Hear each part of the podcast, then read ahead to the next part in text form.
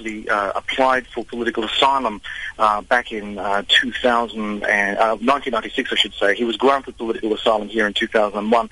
You know, Australia was a different place, and obviously, uh, you know, the the the, the idea of kind of anticipating the extent of Islamic terrorism, um, uh, the way that we see it today, simply wasn't there, and the system wasn't necessarily kitted out to um, preempt people's actions. Um, of course, we now have new counterterrorism laws and uh, and better better methods of vetting and screening people um, than we did back in you know the late 1990s and the early 2000s. But nonetheless, uh, during that period of time, a person like would come into the country, claim political asylum, and then you know start his um, his his life of abject crime. You know, this guy Anita had a rap sheet uh, which was quite lengthy. Um, he's a self a self uh, self-styled sheikh.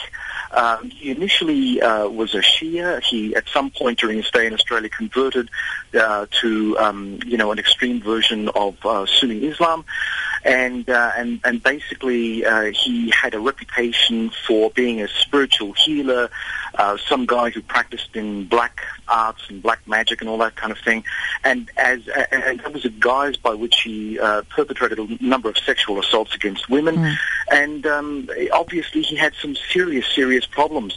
Um, so uh, you know the system kind of failed to really check him at a number of different levels. And as I said, initially, we can't really be too harsh on the system back in the 1990s and the early 2000s because, you know, this is all pre-9-11 and, mm. and the system all over the world wasn't really geared up for detaining or preempting people doing strange things sometime into the future. But now, of course, we're, we're very much aware of uh, the likelihood of people going astray. However, we come back to the legal issue of Monis, and, and that you know, is that the New South Wales um, judiciary uh, made those uh, bail law changes and uh, and allowed someone like that who was obviously a danger, at least uh, at least to, to women, because I mean he had apparently um, up to about uh, 50 indecent uh, sexual assault charges mm. placed against him. So the police knew he was not a good person to have back out in the street. But of course, the police don't have much of a say when the magistrate, the governing magistrate, weighs the law, sees that there's not much of a case, and lets the guy out. And to add insult to injury, he was also an accomplice to his ex-wife's murder. So, he, you know, I mean, this was like a, a, a tragedy on so many different levels. And and while we may forgive the system for not acting um, a little bit more judiciously, pardon the pun, earlier on in the piece, but, you know, like having him released on bail in December of last year with the presiding magistrate suggesting that he posed no risk to public safety, that's a bit rich. And um, apparently the New South Wales government right now is uh, is uh, suggesting that there might actually be um, an investigation into that um, because, yeah, look, this guy has perpetrated the first so-called Islamic terrorist act on Australian soil. John, heads will just, have to roll at some point. I just have to come in here. The director of the Global Terrorism Research Centre in Melbourne, Greg Barton, says that the police mm. must now focus their limited resources on groups attempting to pull off major terrorist attacks. And there, there was only a very tiny category of people at any given time that the police can legally and financially justify keeping under surveillance. Mm. Do you agree? Oh, absolutely. Um, every state has finite resources and um, every agency has to juggle between various priorities because of course priorities shift in a political environment very quickly.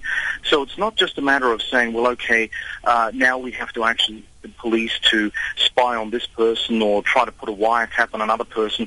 I mean, doing that uh, against people who are only suspected of possibly doing something in the future, which of course they may not actually do, um, uh, you know, uh, opens up the the, the uh, can of worms of how big is your jail. I mean, you could you could literally pull uh, you know half the population off the street and, and and throw them out in the middle of Australia and say, well, okay, here are your suspects. Now start weeding them out.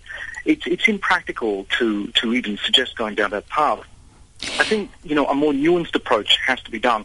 And those nuanced approaches come down to the governance of the agencies and the interagency cooperation that exists between them. I think that uh, we're still suffering from a bit of a 1950s hangover. I mean, uh, Anita, here in Australia, uh, over the last 20 years, we have done a great deal in trying to make our systems of governance more efficient and effective. And we've won a lot of battles, you know, in, in, in cutting down red tape. But there is still certain stove-type mentalities that exist within organizations which then prevent the free-flowing information from one agency to another, which would allow a Monis-type situation to perhaps arise in the future. And again, even if we were to try to rectify or reform the system, we have to be real about it. We'll never be able to have a perfect system.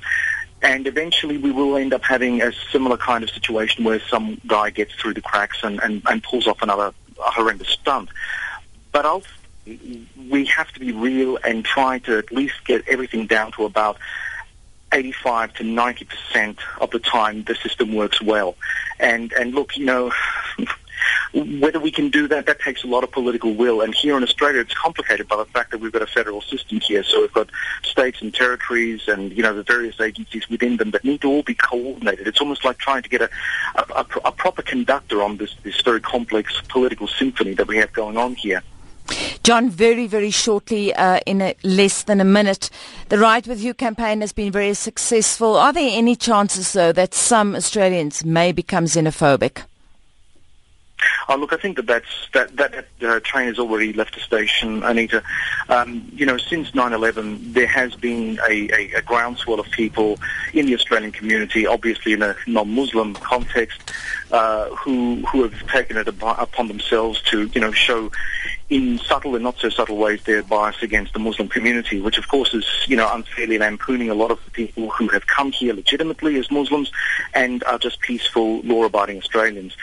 Um, a situation like we had in Sydney the other day, or, you know, the Bali bombing, or 9-11, or any other kind of major atrocity that takes place in the Muslim world, um, does have those resonances and it will push people to adopt extreme views. Unfortunately, now we're in a kind of war footing, you know, state mm. versus non-state actors versus lone wolf individuals claiming to belong to non-state actors.